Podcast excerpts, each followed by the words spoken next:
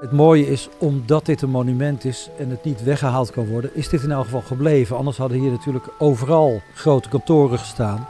De buitenkant is dus indrukwekkend. En daarbij heeft het ook nog eens een prachtig interieur. Verhalen uit het verleden en ideeën over de toekomst. En ik denk dat daar wel meer mogelijkheden in zijn. Ja, daar mag je echt wel trots op zijn. En dat is denk ik iets waar Hilversum ook wel van uh, kan leren. Maar het, uh, het is het begin. Er moet nog veel meer gebeuren eigenlijk. Te vinden in de stad Hilversum. De magie vindt hier daadwerkelijk plaats. Dit is nu een parel in Hilversum geworden. Die toekomst gaat ook een heleboel dingen vragen van die paar spelers hier. Belangrijke spelers op deze vierkante kilometer. Je luistert naar de podcast De Toekomst van Hilversum. Met presentatrice Anna Stienstra. De tuinstad Hilversum wordt door oude inwoners nog steeds het dorp genoemd. Al is het inmiddels een plaats van allure waar het gonst van de bedrijvigheid. Maar de rust van de omliggende natuur en het vele groen zijn gelukkig gebleven. Wie Hilversum zegt, zegt Jan Duiker en natuurlijk Willem Marinus Dudok. We gaan het hebben over Hilversum als tuinstad. Met aan tafel twee architectuurkennis en inwoners. Irmkart van Koningsbrugge, architectuurhistoricus en bestuursvoorzitter van het Dudok Architectuurcentrum. En Sylvia Karres, directeur en eigenaar van het internationale bureau Karres en Brands. Een ontwerpbureau op het gebied van landschapsarchitectuur en stedenbouw. En onder andere bekend van Werf 35 hier in Hilversum. Aan jullie allebei de vraag: wat is het meest iconische gebouw in Hilversum en waarom? Nou, dan begin ik bij Sylvia. Mijn persoonlijke favoriet is het kantongerecht aan de Schaaflandsweg. En leg eens uit. Ja, dat vind ik zo'n mooi gebouw. Het is vrij bescheiden. Um, het ligt zo mooi op een heuveltje terzijde van de, de Schaaflandsweg, die daar zo mooi naar beneden loopt. En dan prachtig in het groen. En het is een heel modern gebouw eigenlijk. Ja, en voor mij is dat het absolute voorbeeld van een prachtig architectonisch object in een mooie landschappelijke omgeving. Oké, mooi gezegd. En voor jou, Imkart? Ja, als voorzitter van het Dudok Architectuurcentrum kan ik niet anders dan het raadhuis van Hilversum noemen. Maar dat heeft dezelfde kwaliteiten als die uh, Sylvia zojuist noemt over het gerechtshof. Um, het gebouw komt namelijk voort uit het landschap met die lage, brede vleugels en dat oriëntatiepunt van een toren dat heel geëigend is voor raadhuizen, want je moet toch weten waar het stadsbestuur of het gemeentebestuur zetelt. De buitenkant is dus indrukwekkend. En daarbij heeft het ook nog eens een prachtig interieur. En ik zou zeggen, iedere Hilversummer moet dat raadhuis bezoeken. Het is het huis van de gemeente. Ja, nou, dankjewel.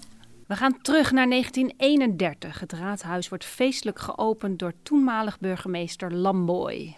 Zo is het dan voor Hilversum de blijde dag waarnaar de hele bevolking met zoveel verlangen, groeiend verlangen, heeft uitgezien, eindelijk aangebroken. En bevinden wij ons in de geniale schepping van onze eigen gemeentearchitect, de heer Dudok.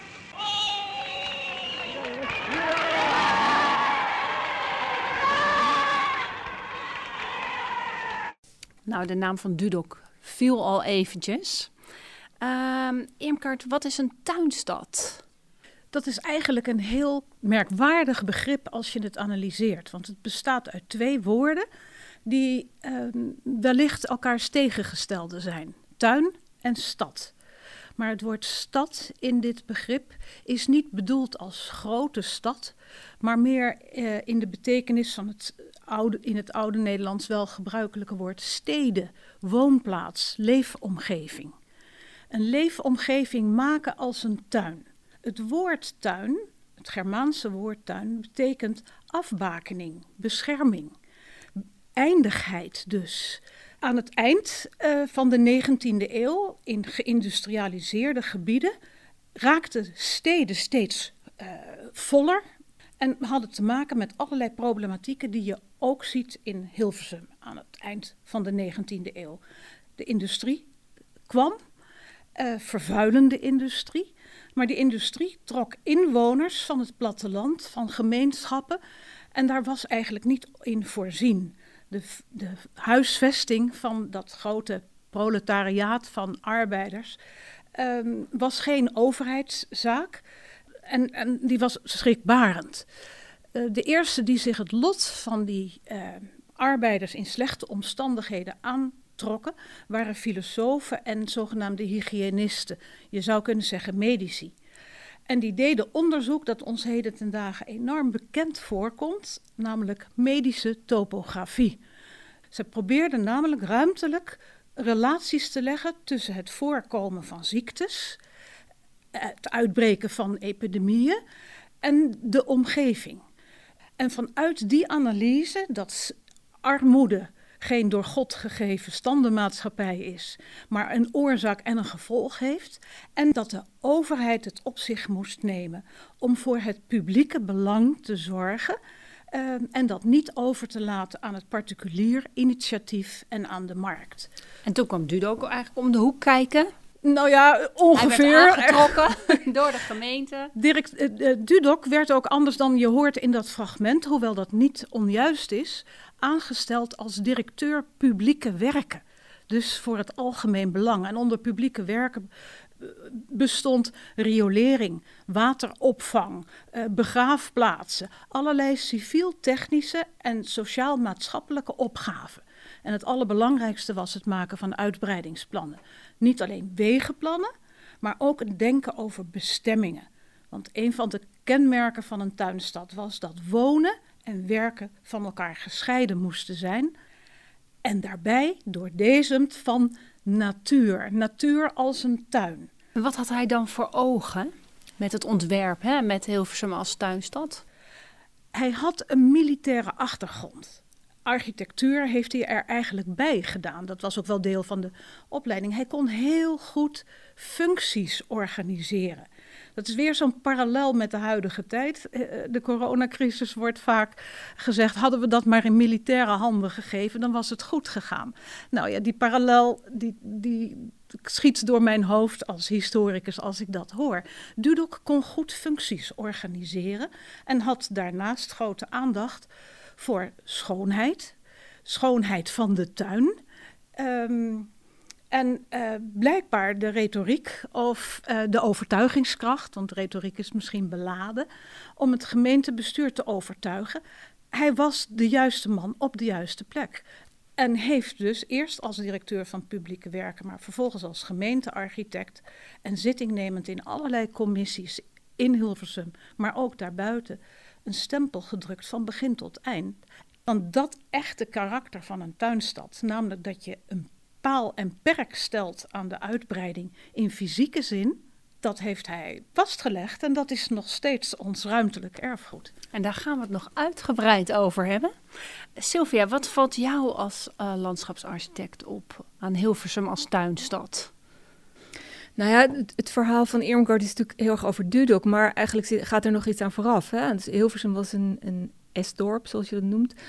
Uh, een schapendorp, agrarisch georiënteerd. Um, schapen die dan in, in stallen in het centrum stonden en bij de boerderijen en die dan naar buiten op de heidegronden gingen, gingen grazen, zeg maar. En de, de, de bouwgronden die er omheen lagen. Dus dat heeft eigenlijk heel erg die, die structuur van ons dorp, hè, want Hilversum is nog steeds een dorp, uh, bepaald. En daar heeft Dudok op voortgeborduurd. Dus eigenlijk die, die stervormige structuur van, van schaapsdriften die naar buiten liepen, daar is Dudok op verder gegaan. Dus er, is eigenlijk een, nog daarvoor een agrarische achtergrond. Wat ik zo mooi vind van, van Dudok is dat hij op alle schaalniveaus werkte. Dus uh, grote stedenbouwkundige visies, plannen voor een goede ontsluiting, uh, mooie straatprofielen, fantastische architectuur met hele mooie hoekoplossingen. Uh, heel, heel erg uh, georchestreerd, zou je kunnen zeggen. En vervolgens helemaal door tot en met de deurklink. Hè. Dus als je ooit in het, in het mooie raadhuis geweest bent... en ik heb daar een tijdje mogen rondlopen als lid van de welstandscommissie... Maar als je dan naar de wc ging en je, pakte die deurknop, nou die voelt zo lekker aan je hand, dat vergeet je nooit meer. Dat is een detail, weet je. Dus door al die schalen heen heeft hij eigenlijk alles heel goed op elkaar afgestemd. Dat vind ik super opvallend uh, aan Dudok. Maar wat er na Dudok ook weer is gebeurd, dat, dat meneer Dorenbos, die hier bij de plantsoenendienst heeft gewerkt, fantastische bomencollectie heeft toegevoegd eigenlijk aan die, aan die plannen van Dudok een, Hilversum staat echt bekend om een, rijkdom aan, aan bomen en boomsoorten, hele bijzondere boomsoorten en die prachtige profielen. En eigenlijk die optelsom hè, van die, dat agrarische dorp met, met Dudok met zijn heel erg geanceneerde uh, profielen en vervolgens weer die, die prachtige groenstructuren, dat maakt, denk ik, Hilversum heel bijzonder. En, en wat daar natuurlijk ook nog bij komt, is dat Hilversum overal grenst aan natuurgebieden. Dus, hè, dus de heidevelden, de Laagvuurse met de bossen, maar ook uh, Schravenland met zijn fantastische landgoederenzone, Korte Hoef, Ankerveen daarachter, weet je. Er zit enorm rijkdom. Het is een ik zeg altijd, Hilversum ligt op de mooiste topografische kaart van Nederland. Alle landschapstypes, de, de variatie die hier op hele korte afstand is... en waar je eigenlijk bijna hè, vanuit het centrum, uh, als je je hand uitsteekt... Uh, dan kan je het aanraken, dat gevoel, dat vind ik wel heel bijzonder voor Hilversum. Zo op het eerste gezicht lijkt het een gewone buurt, maar het tegendeel is waar. De Hilversumse Bloemenbuurt is de eerste wijk met sociale woningbouw die door Duduk is ontworpen. Met de typische kruipdoor, sluipdoor, geveltjes en poortjes is het een karakteristieke buurt. Laten we luisteren naar verslaggever Thomas van Veen en stadsgids Leo Kerkhoff. Leo, uh, vertel eens, uh, waarom is het belangrijk uh, dat we wijken zoals deze blijven onthouden? Als je hier staat, dan ervaar je gewoon hoe het rond 1900, 1910, noem maar op, hoe het hier geweest is. En dit is echt een hele waardevolle plek. Want wat je ziet is dat de straatjes hier um, een, een, bepaalde geborgenheid geven. Uh, het is echt de moeite waard om je goed te realiseren. Kijk, we zijn nu weer aan het nadenken over de tuinstad en over het uitbreiden van Hilversum weer naar 100.000 inwoners. Dudok had er ook al over nagedacht. Hij had eigenlijk een beëindigingsplan gemaakt, wat er uiteindelijk op neer zou komen dat er ongeveer 100.000 mensen in Hilversum zouden wonen. Nou, dat is natuurlijk heel erg waardevol om je nu heel goed te realiseren, hoe gaan we dat doen in deze tijd? Met de gedachte die Dudok al had. Kijk, we staan bijvoorbeeld naast een deur, een voordeur van iemand, die is een beetje, nou ja, omlijst door donkergroen. Daar uh, dan wat iets lichter groen en dan een heel bijzonder raampje, een soort pijltje naar beneden. Het is, ja, je zou nu denken, je kan het allemaal niet betalen meer, want het kost veel te veel tijd en geld en noem maar op. Maar het is wel iets heel bijzonders, wat gewoon ook respect geeft aan mensen die hier wonen. Je denkt, als je hier naar, nou, er zijn hier kozijnen helemaal, ja, eh, eh, prachtig gewelfd. Het ziet er zo schitterend uit. Als je hier woont, dan voel je je echt gewaardeerd. We hadden het er net al even over. De visie van Dudo was heel erg gericht op 100.000 inwoners. Kun je die principes van Dudo ook nog ja, toepassen op deze tijd? We zitten nu op 91.000 inwoners. Begin ik bij jou, Irmkart? Ja, dat getal is niet zo relevant. Dat getal was op basis van volkstellingen. Als de wereld zo blijft groeien als nu, dan komen we uit op 100.000. Essentieel is de begrenzing van die tuinstad. Dat behoud van de natuur en dat behoud van de natuur dichtbij. De bevolkingsprognoses gingen destijds nog uit van uh, families met uh, een, een, bepaald aantal kinderen. Nou, de geschiedenis, de recente geschiedenis, heeft ons geleerd dat huishoudens steeds sterk veranderen.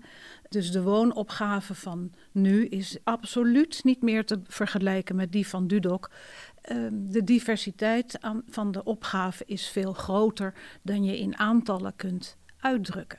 Ja, dat, daar ben ik het wel mee eens. Hè. Dus eh, we leven echt in een andere tijd dan Dudok. Ik ben een groot fan van Dudok, maar we zullen Dudok echt moeten vertalen en opnieuw moeten interpreteren. Kijk, als je, als je naar Hilversum kijkt, dan zit Hilversum behoorlijk klem in zijn grenzen. Hè, met alle natuurgebieden, met alle kwaliteiten van dien. Maar Hilversum kan uh, in, in absolute oppervlakte niet heel erg groeien. Dus als wij nog meer woningen willen ontwikkelen in Hilversum, dan zou je op een andere manier moeten bouwen dan dat we gewend zijn. Um, dan zou je misschien wel wat hoger moeten bouwen. Wat ik dan erg belangrijk vind, is dat je ook dus als je compacter gaat, uh, misschien hoger gaat, dat je dat nooit doet zonder dat die groene kwaliteiten los te laten. Dus die moet je altijd samen, samen gaan ontwikkelen. En dat, dat is wat ik van Dudok leer. Um, van, dat je integrale plannen maakt. En want je hebt natuurlijk ook wel projecten in Hilversum gedaan. Neem jij dat dan, zeg maar, dat gedachtegoed ook altijd mee? Nou ja, het gaat niet specifiek om Hilversum, hè, maar, maar eigenlijk alle stedenbouwkundige projecten die wij op dit moment doen, daar gaan we naar uh, compactere uh, bebouwing, maar ook naar robuuste groenstructuren. Dat is wel echt iets waar we als bureau heel veel aandacht aan schenken. Robuuste groenstructuren die ook het waterhuishoudingssysteem in zich opnemen. Hè. Dus we moeten veel meer water bergen, uh, water opvangen, uh, voor langere tijd vasthouden, om verdroging tegen te gaan, hittestress tegen te gaan, al dat soort dingen. Dus stedenbouw en grotere groenstructuren in één hand ontwikkelen. En minder ruimte voor de auto. Hè. Dus we zijn op dit moment bezig met een grote wijk van 7000 woningen in Hamburg. Nou, daar komt, wordt geen auto meer op straat geparkeerd. Die worden allemaal in, in parkeergarages neergezet. Hè. Je kan dus wel een auto hebben. En je kan wel je spullen wegbrengen naar je huis, maar je mag nooit op straat parkeren. Nou, dat levert heel veel ruimte op die je voor, voor andere dingen kan gebruiken. En dat is denk ik iets waar Hilversum ook wel van uh, kan leren. Dat we een beetje anders met onze auto moeten omgaan. Er niet overal meer hoeft te komen misschien. En misschien wat selectiever, wat, wat meer de, de fietser bevoor, uh, bevoorrechten dan nu het geval is. Want ik fiets veel, maar het, is niet altijd even eenvoudig om hier je door Hilversum heen te bewegen. Terwijl het natuurlijk een, eigenlijk een, een stad is waar je heel goed zou kunnen fietsen. Vind je dat een stad altijd maar moet kunnen blijven groeien? Nee, nee niet per se. En ik denk dat Hilversum maar heel beperkt kan groeien. Dus ik denk dat we ook heel selectief moeten zijn in wat Hilversum aan kan. En dat er heel zorgvuldig gekeken moet worden, bijna op homeopathische wijze, zeg maar, echt kijken van wat kan het hebben en hoe kunnen we dat samen met de, de, de omgevingskwaliteiten verder ontwikkelen. Maar dat zal ongetwijfeld beperkt zijn aan een stad bouwen is eigenlijk te vergelijken met denken uh, aan het bouwen uh, van een kathedraal. Je weet dat, je, dat die stad nooit af is, dat, dat die voortdurend verandert, maar je legt, de grondslagen en je houdt, houdt verantwoordelijkheid iedere keer wel, weer, elke generatie voor de toekomst. Dan denk je niet meer op het kleine niveau van uh, zoveel auto's per woning. Dat is niet meer des toekomst. Maar dat kathedraaldenken, dat mis ik wel een beetje in Hilversum. Ik mis dat heel erg, vandaar dat ik het zo graag wil ja, noemen. Dus, dus uh, eigenlijk het, het, het, grotere plaatje van ja. um, het raamwerk. Wat is het, wat, is de, wat is het skelet van Hilversum wat we overeind willen houden? Precies. En wat kan er gaan veranderen? Ja. Het moet iets visionairs ja, ja, en dat moet ook inspirerend zijn. Het ja. moet een inspirerende visie worden. Dus ik, ja. ik, hoop echt dat we de gemeente kunnen prikkelen om straks in de omgevingsvisie uh, zo'n zo'n inspirerend verhaal neer te leggen.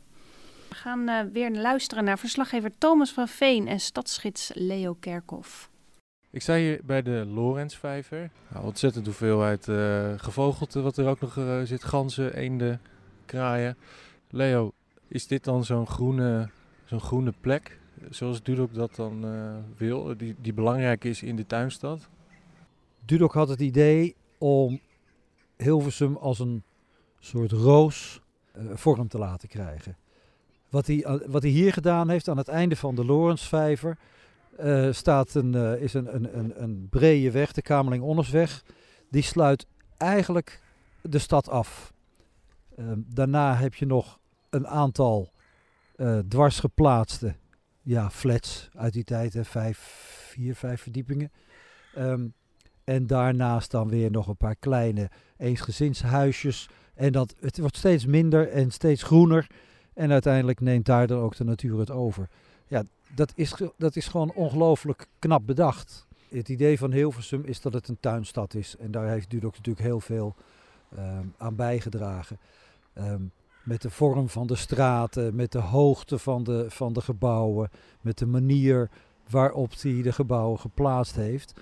Um, het is gewoon heel belangrijk om je goed te realiseren dat uh, al dat groen, dat dat heel kenmerkend is voor Hilversum. Dat die hele bouw, zoals de Dudok en, en het andere ook hoor, dat hebben gedaan. Dat is gewoon, laten we zeggen, beeldbepalend. Uh, Hilversum is geen klein Amsterdam. Hilversum is een tuinstad met veel groen en, en, en nou ja, heel zorgvuldig opgebouwd. En je mag hopen dat als we nu naar de toekomst kijken, dat we de lessen die Dudok ons geleerd heeft, uh, dat we die in de praktijk gaan brengen. Ja, we hebben natuurlijk veel over Dudok. Um, en in, in het geluidsfragment werd er ook over, over um, uh, Dudok en de mooie overgang uh, naar het landschap gesproken. Tegelijkertijd zien we in deze tijd een enorm druk op de ruimte. Hè. We hebben veel meer auto's, we hebben veel grotere huizen. We, um, de gemiddelde woningbezetting is veel lager, dus we hebben veel meer woningen nodig. Um, dus ja, we moeten daar ook niet al te romantisch over doen, over Dudok, vind ik. Uh, absoluut een, een, enorm uh, getalenteerde man, die hele mooie dingen heeft gedaan, maar tegelijkertijd staan we nu voor andere opgaves. Um, en dan moeten we Dudok ook niet te veel romantiseren. Maar wat ik wel belangrijk vind, is dat we dan dat gezegd hebbende met intelligente antwoorden komen. En als ik dan kijk hoe de uh, brandweerkazerne een, positie heeft gekregen in die geweldig prachtige uh, gelaagde overgang naar het landschap, dan is dat niet er een erg intelligente oplossing geweest. En dat vind ik dus jammer. Um, ik zeg niet, zo'n zo zo brandweerkazerne moet er komen, maar dan moeten we hem ook op een plek zetten waar die tot zijn recht komt, waar uh, de, de overgangen van Dudok uh, tot zijn recht komen en waar een, een intelligente en fraaie toevoeging komt in plaats van dat we de kwaliteiten afbreken. En dat is zo'n plek waar het gewoon niet goed is gegaan. En hoe kijk jij daar tegenaan, Emkart? Nou, ik denk dat we in dit gesprek het tegendeel doen van Dudok romantiseren. We zijn begonnen bij het uh, definiëren van wat een tuinstad is. En een tuinstad zou je kunnen uh, vertalen in ken je plek. Ken de plek waar iets komt. Um, en dat Dudok zich daarvoor heeft ingespannen, plus een visie voor de langere termijn had, hoe tijdsbepaald die ook was, in het hele denken over goede leefomgevingen, uh, kun je daar nog steeds kwaliteiten uit destilleren. Want waar liggen die vijvers? Die liggen allemaal op lage delen van Hilversum. Het waren niet primair of selectief uh, vanuit het idee van een architect die mooie wijken uh, bedenkt, vijvers. Het waren nutsvoorzieningen, civiel-technische voorzieningen. Daar, het waren waterbekkens voor de opvang van regenwater waar ook uh, het uh, regenwater werd gescheiden van het vuile water uit straatvuil en dergelijke en naar de riolering werd afgevoerd.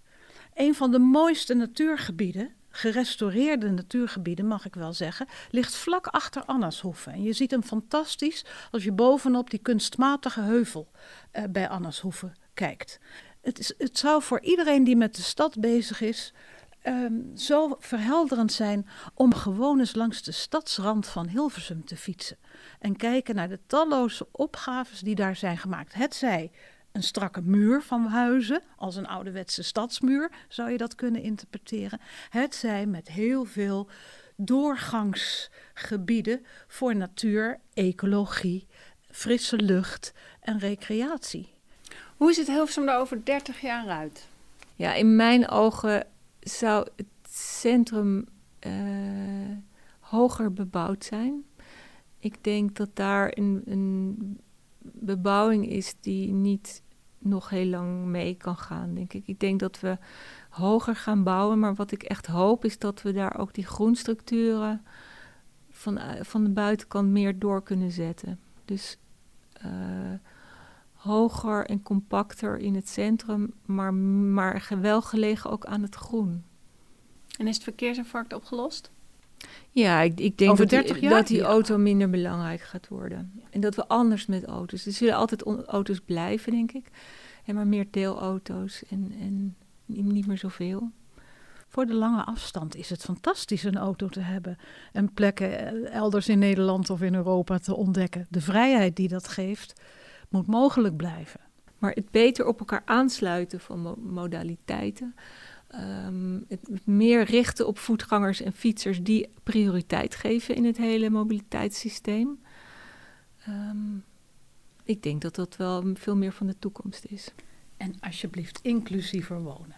Dat iedereen en niet alleen maar de mensen die het kunnen betalen in Hilversum ja. uh, neerstrijkt. Dat ja. maakt een, een stad veel levendiger, spannender um, en fijner om, om er te zijn. We gaan het meemaken. Hartelijk Laat dank voor dit gesprek. dank Graag gedaan. De podcast De Toekomst van Hilversum werd geproduceerd door Koerta52 en de gemeente Hilversum. In het bijzonder dank aan Anna Stienstra, Leo Kerkhoff van Steengoed Erfgoed, Sylvia Karres en Irmgard van Koningsbrugge. Volg de toekomst van Hilversum in je podcast-app of via Spotify. Daar kun je ook de andere afleveringen van de serie beluisteren. Deel de serie ook vooral met anderen.